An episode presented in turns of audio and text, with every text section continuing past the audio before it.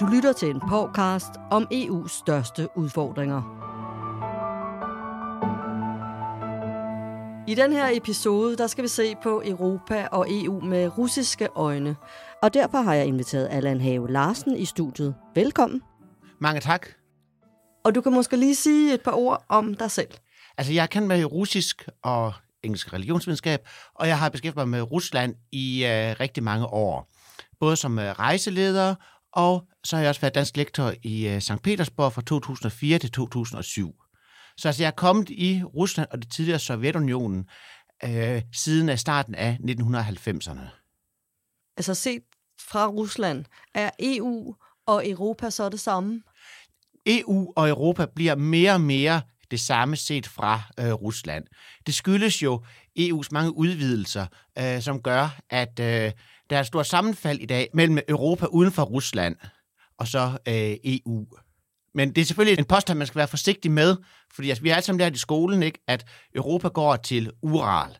Og hvis man accepterer tanken om, at Europa går til Ural, så øh, giver det jo ikke nogen mening at tale om Rusland og Europa, fordi så er en vigtig del af Rusland jo altså også en del af Europa. Praksis er imidlertid sådan, at øhm, Rusland altid har talt om Rusland og Europa. Det er der altså hav af øh, bøger, artikler osv. osv., der har den her overskrift Rusland og Europa. Og på russisk, hvis man rejser vestpå, så siger man øh, at rejse til Europa. Så altså, øh, Rusland har en eller anden idé om, at Europa er det, der ligger vest for øh, Rusland. Men historisk har Rus- Rusland jo så målt sig op af det, der dengang var Vesteuropa. Ja, det er en meget, meget lang øh, historie. Peter den Store øh, starter jo i 1700-tallet en europæiseringsproces i Rusland, fordi det er tydeligt, at øh, Rusland er bagud økonomisk øh, og teknisk i forhold til øh, Vesteuropa. Så Peter den Store prøver der i starten af 1700-tallet at øh, vestliggøre øh, Rusland. Altså russiske mænd blev tvunget til at øh, barbere sig og øh, klæde sig, som man gør i Vesteuropa. Han anlægger St. Petersborg som en kopi af øh, en hollandsk by, og flytter hovedstaden fra Moskva til St. Petersborg, netop for at øh, vise, at nu er Rusland altså en øh, europæisk øh, stat. Men altså, det var jo en europæisering, der ikke øh, slog 100% øh, igennem.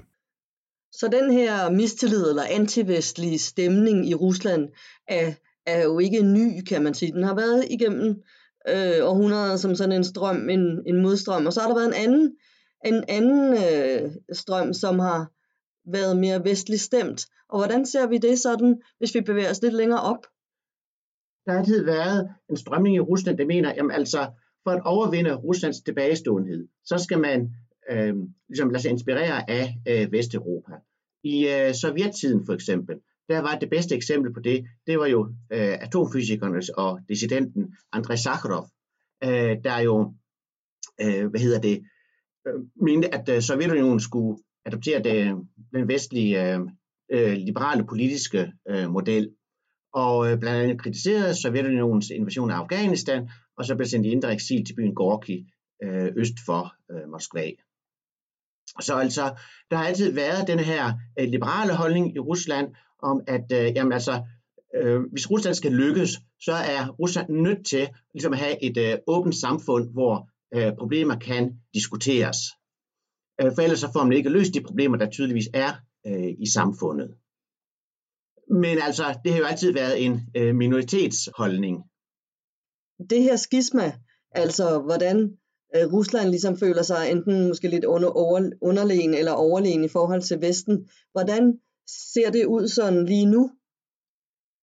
Det ser man meget tydeligt øh, nu, øh, hvor øh, for eksempel øh, Putin jo ser sig selv som øh, fortaleren for øh, de europæiske kristne øh, sande værdier. Øh, for eksempel altså i kampen mod øh, homoseksualitet, øh, kvinderettigheder og øh, værdirelativisme. Altså der er, har været utallige eksempler på, hvor øh, Putin har slået på øh, det her med, at øh, Rusland øh, er ligesom øh, den sande kristenheds øh, vogter, og øh, det giver sig desværre nogle gange meget tragiske øh, udtryk. Altså for eksempel det her med, at øh, straffen for øh, hustruvold eller partnervold er blevet øh, meget mindre øh, i Rusland, og altså selvfølgelig også de her love mod, oprindeligt var det propaganda mod homoseksualitet, en lov, der forbød øh, propaganda for homoseksualitet blandt mindreårige. Og det er så blevet udvidet nu her for nylig til, at øh, man ikke må nævne øh, homoseksualitet. Det er jo meget problematisk. Men det er altså den der syn på, at Vesten, Europa er gået i øh, et dekadent forfald, men i øh, Rusland, der står man fast ved øh, sande kristne og øh, nationale værdier. Og når nu øh, EU, som du også sagde i begyndelsen, har vokset sig så stort, så det snart fylder hele det, vi måske tænker på som Europa, altså i hvert fald Europa uden for Rusland. Hvordan ser det så ud fra Ruslands side? Så er EU og, EU og Europa jo øh, blevet det samme. Og øh, hvor man måske i 90'erne havde et forholdsvis positivt syn på øh, EU i Rusland, så er det jo altså nu blevet øh, ganske negativt. Fordi øh, nu ser man jo igen EU som øh, ganske som man ser NATO, ikke? Altså øh, det her Vesten, som man egentlig var blevet forsonet med efter at den kolde krig ophører, men så har de her vestlige organisationer, altså først og fremmest NATO, men nu også EU, ligesom bevæget sig tættere og tættere på øh, Rusland. Og det er jo i altså mange russers optik, det er ikke kun i Putins optik, det er i øh, mange russers optik øh, et eksempel på, hvordan øh, det onde Vesten øh, har forsøgt at snyde Rusland. Man kan sige, der i 1991, øh, som du lige nævnte kort, det, det var jo sådan en endnu en skældsættende øh, markeringslinje, kan man sige, for der var nogen, der, der trak meget øh, voldsomt den ene vej, og nogen, der trak meget voldsomt den anden vej. Hvad var det, der skete der i 91? Tiden omkring 91, der er der ligesom de her to meget modsatrettede tendenser i Europa, hvor øh, Vesteuropa øh, starter øh, speeder op for integrationen med Maastricht-traktaten, øh, der gør, at EF bliver til øh, EU, således at det ligesom Vesteuropa øh, samler sig mere og mere, hvorimod Sovjetunionen jo altså øh, går i opløsning. Øh, efter det fejlslagende øh, kup mod Gorbachev i august 91, og øh, det bliver så, det endelige punktum bliver så sat hvad det, i december 91, da lederne af Hvide Rusland, øh, nu Belarus, Ukraine og Rusland, de mødes i en jagthytte i Hvide Rusland, og øh, erklærer Sovjetunionen for død, og der nu er lavet et nyt statssamarbejde, der hedder øh, SNG. Men... Det blev så det endelige punktum for øh, Sovjetunionen, og så var der ligesom kommet 15 nye stater i de tidligere Sovjetunionen, hvorimod jo altså øh, Vesteuropa forenede sig øh, mere og mere. Og de her 15 nye stater, de vil jo på en eller anden måde gerne hjem til det, som deres fællesskab var tidligere, nemlig ja, Europa, altså EU nu. Ja, altså øh, de 15 lande, der blev uafhængige efter Sovjetunionens sammenbrud, der har nogle af dem jo en klar kan man sige, europæisk arv og en klar en del af en europæisk øh, kulturhistorie. Det gælder de baltiske lande, og det gælder jo også øh, Belarus, Ukraine og Moldova. Måske med lidt god vilje også øh, Kaukasus, men det gælder jo ikke de centralasiatiske lande i, øh, i Centralasien mellem det Kaspiske Hav og øh, Kina. Men altså, øh, de lande, der blev selvstændige i det vestlige Sovjetunionen, særligt Baltikum og Ukraine, øh, og de tidligere Varsjava-lande i Østeuropa, altså Polen, Tjekkiet, Ungarn osv., slagordet i de lande i 90'erne, det var jo øh, hjem til Europa. Og det betød i praksis altså, vi vil være en del af øh, EU. Så altså på den måde, så får bliver EU lidt synonym med en form for øh, det rigtige Europa.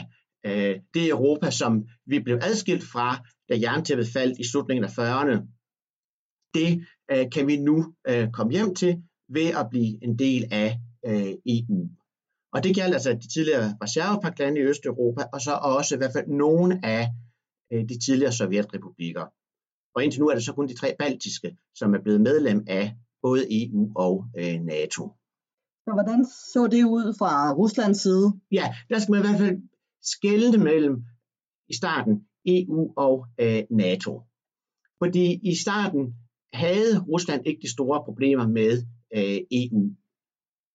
Og det var også en, en organisation, man øh, selv så som realistisk, at man måske kunne blive øh, medlem af øh, på et tidspunkt. Altså Rusland medlem af EU? Ja, altså Jeltsin er inde på det øh, på en konference i Helsinki, jeg mener det er 1997. Og der, der er flere politikere, der er ude at sige det her med, jamen altså, måske er over, kan Rusland blive en del af øh, EU. Sådan går det jo ikke. Og det har måske heller aldrig været øh, realistisk. Altså Ruslands størrelse øh, gør det jo til en overordentlig stor opgave øh, at gøre landet til en del af, øh, af EU. Man kan sige, var man gået ind i nogle seriøse drøftelser om det, kunne der måske være kommet en, i det mindste en proces ud af det, hvor man havde fortalt om noget med øh, rets, øh, altså retssamfund osv. Det er svært at sige. I hvert fald, Rusland blev ikke medlem af øh, EU, og jeg, jeg har nok heller aldrig været særlig øh, realistisk. Det er svært at sige. Det, øh, der for Ruslands vedkommende var det store problem, også i 90'erne, det var NATO's østudvidelser. Fordi der så man, det så man som et eksempel på, at øh, Vesten, en eller anden, en eller anden form for kollektiv Vesten, øh, prøver at øh, snyde Rusland for øh, fredsdividenden, øh, ligesom prøvede at øh, udnytte, at nu er Rusland tvunget øh, i knæ. Og efterhånden som EU og den europæiske del af NATO blev mere og mere det samme, så blev der ligesom i højere grad sat lighedstegn mellem øh, EU og øh, NATO, således at der i dag fra et russisk synspunkt ikke er den store forskel på EU øh, og NATO. Putin var jo også mere øh, vestvenlig i begyndelsen, og så øh, kommer den her tale i 2007, hvor han øh, i hvert fald ikke er det. Der melder han klart ud, kan man sige.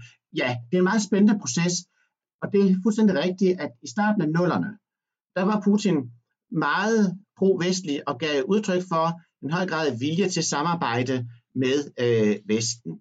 Det er også meget bemærkelsesværdigt, fordi i tiden lige inden Putin kommer til, der var forholdet mellem øh, Rusland og Vesten faktisk øh, meget dårlige. Det skyldtes øh, NATO's bombardementer af øh, Serbien i øh, foråret 1999. Det sendte chokbølger gennem det russiske samfund. Altså man troede oprigtigt i Rusland, at nu kommer NATO også og bomber os.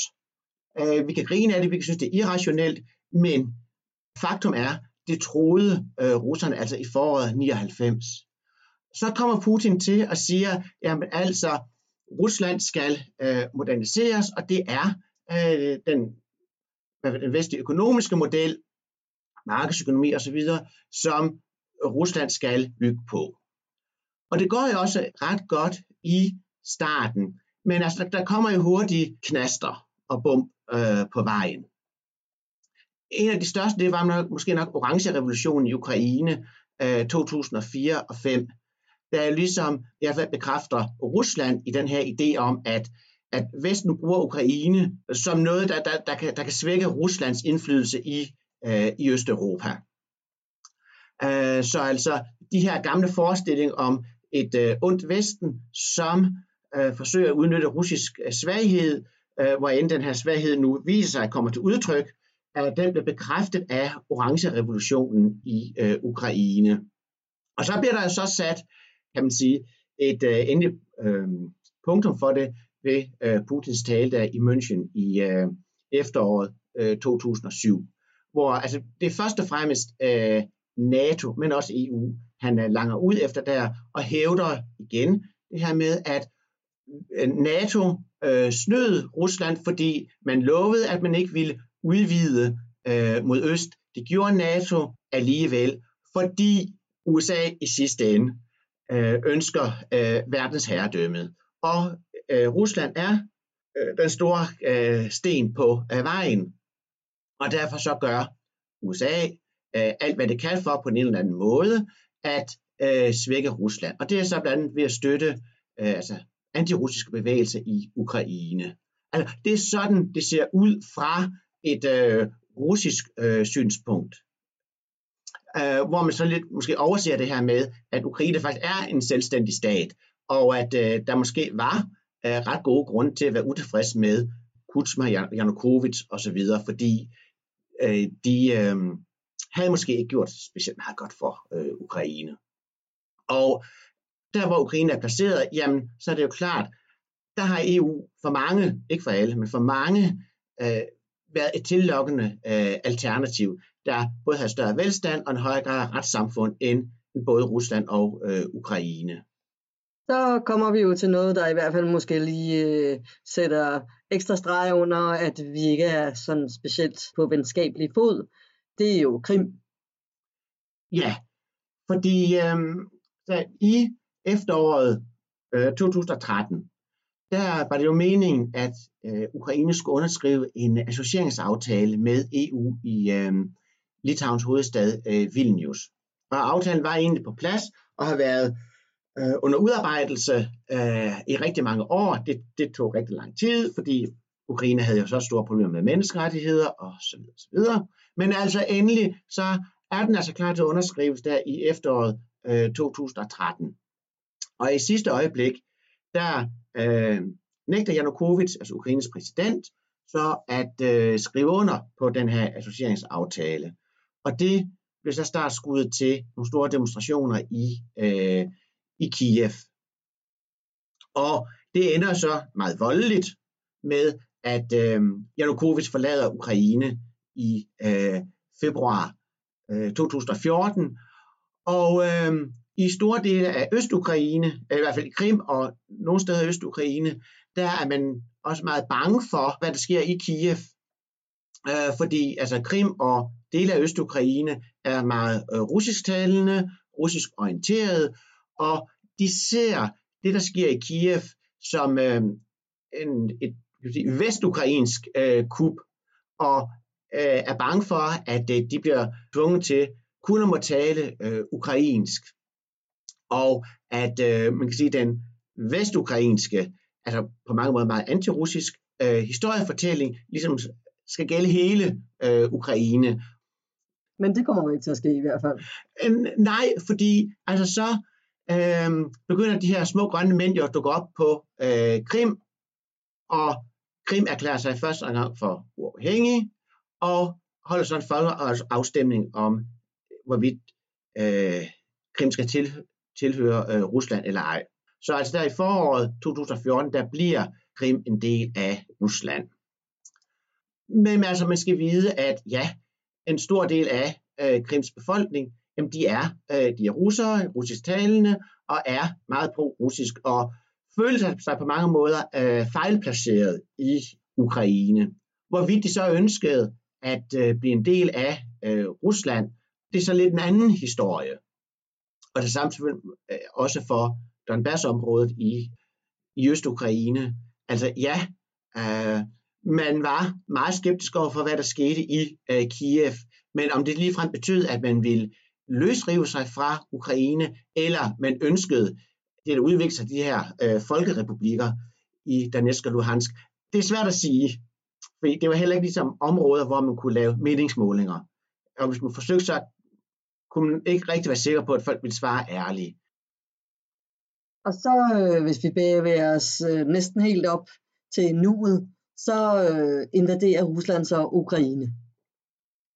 Ja, det sker jo der 24. februar i år. Og EU de vedtager et budget på 500 millioner euro til øh, Ukraines her. Det, det gør vel ikke øh, Rusland ligefrem lykkelig? Øh, nej, og øh, der er så kommet yderligere bevillinger fra EU øh, siden. Så altså, nej, der er øh, et meget, meget dårligt forhold mellem øh, Rusland og EU øh, i dag, som jo altså, hvis man ser på ligesom det kulturhistoriske, ikke? altså bygger på den her lange tradition for øh, antivestlighed i Rusland, altså øh, øh, Vesten er Vesteuropa, om man vil, er ligesom øh, en eller anden form for åndelig øh, fordærvet, som prøver at øh, ødelægge Rusland på hvad mulige måder øh, de nu kan. Og øh, en eller anden fremtrædende russisk politiker for nylig, det mente med, at igen, LGBT-rettigheder, det er en form af, for, ja, et aspekt af øh, vestens hybride krigsførsel øh, mod Rusland. Og det er det jo nok ikke. Men altså, det er et øh, meget almindeligt synspunkt, øh, i hvert fald i den politiske top øh, i dag. Så altså, øh, forholdet det, det, det, er, det er så dårligt, som det nærmest aldrig nogensinde har været. Altså, da altså, ved du, nu, invaderer Afghanistan, øh, der fortsætter man jo stadigvæk med altså, studenterudveksling og, øh, og alt muligt, hvad der nu ellers var af, øh, af, af kontakt og udveksling. Og det er der sat en øh, øh, ja, øh, 100% stop for øh, i dag. Så altså, det er virkelig et, øh, et nulpunkt, som øh, nærmest aldrig har været der før. Så hvis man nu skal prøve at se på hele det blik tilbage og, og prøve at lære et eller andet, altså var der så nogle steder, vi kunne have stoppet op? Var der noget, vi kunne have gjort anderledes? Det er et rigtig godt spørgsmål. Altså, hvis man spørger russere, det kan være et godt sted at starte, så, øhm, så vil de jo pege på NATO's østudvidelse. Altså, fra et russisk synspunkt, så er det det, der er øh, årsagen til misæren. Det er altså, at øh, øh, Vesten, øh, det kan så være øh, USA, NATO, kollektivt Vesten, men uanset udnyttede Ruslands øh, svaghed efter den kolde krig til at udvide i første omgang NATO østpå. Det er øh, fra et russisk synspunkt den, øh, hvad skal sige, en eller anden form for øh, urfortælling om, hvorfor øh, det gik så galt. Men altså, man kan sige, Rusland har jo også et indre øh, politisk liv.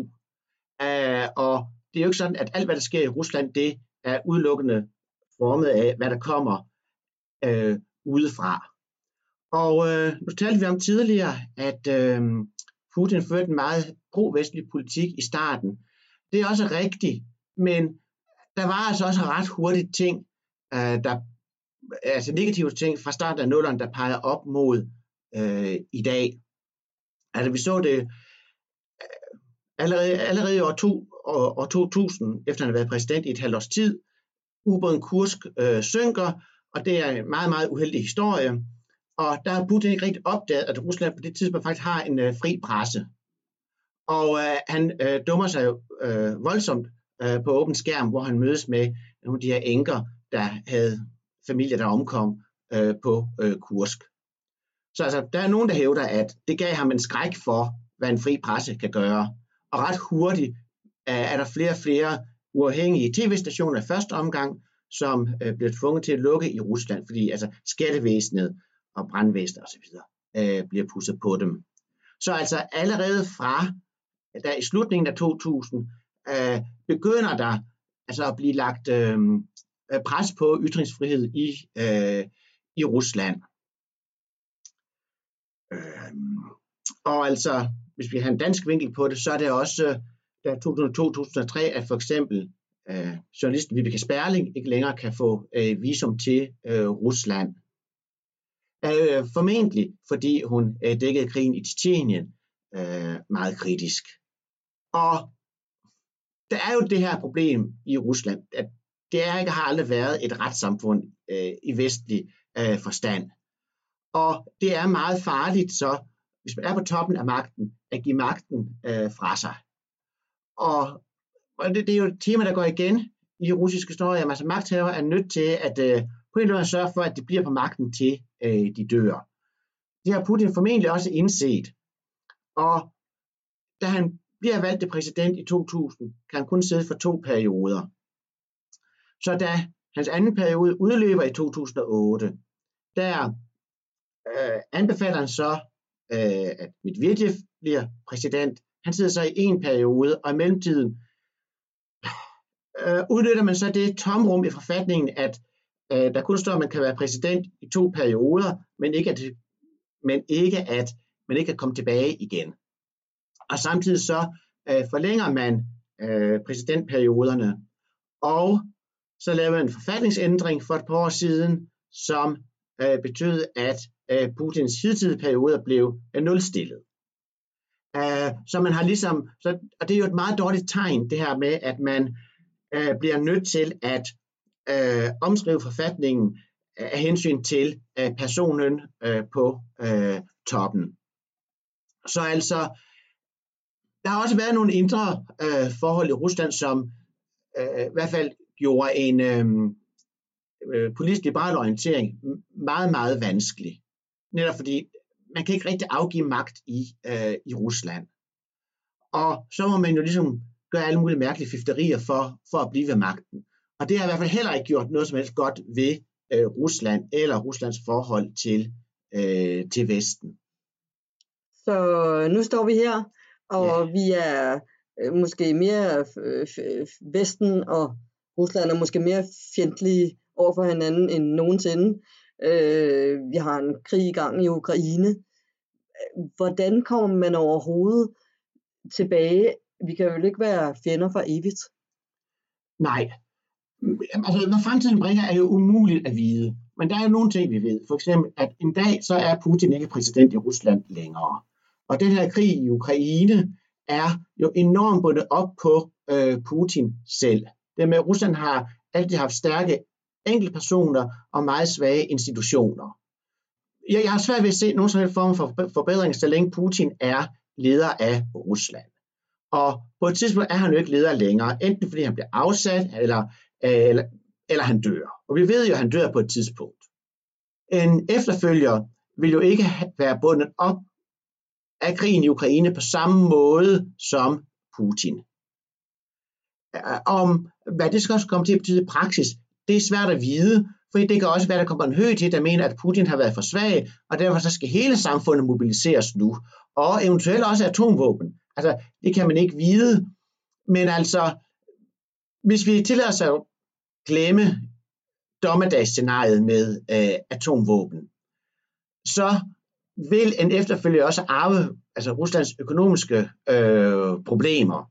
Og det her med, at øh, det kan godt være, at befolkningen ikke er specielt øh, umiddelbart kritiske øh, i form af at gå på gaden osv., men man er jo bare heller ikke særlig villig for selv at betale for at gå i krig i Ukraine. Det problem vil efterfølger øh, jo også have.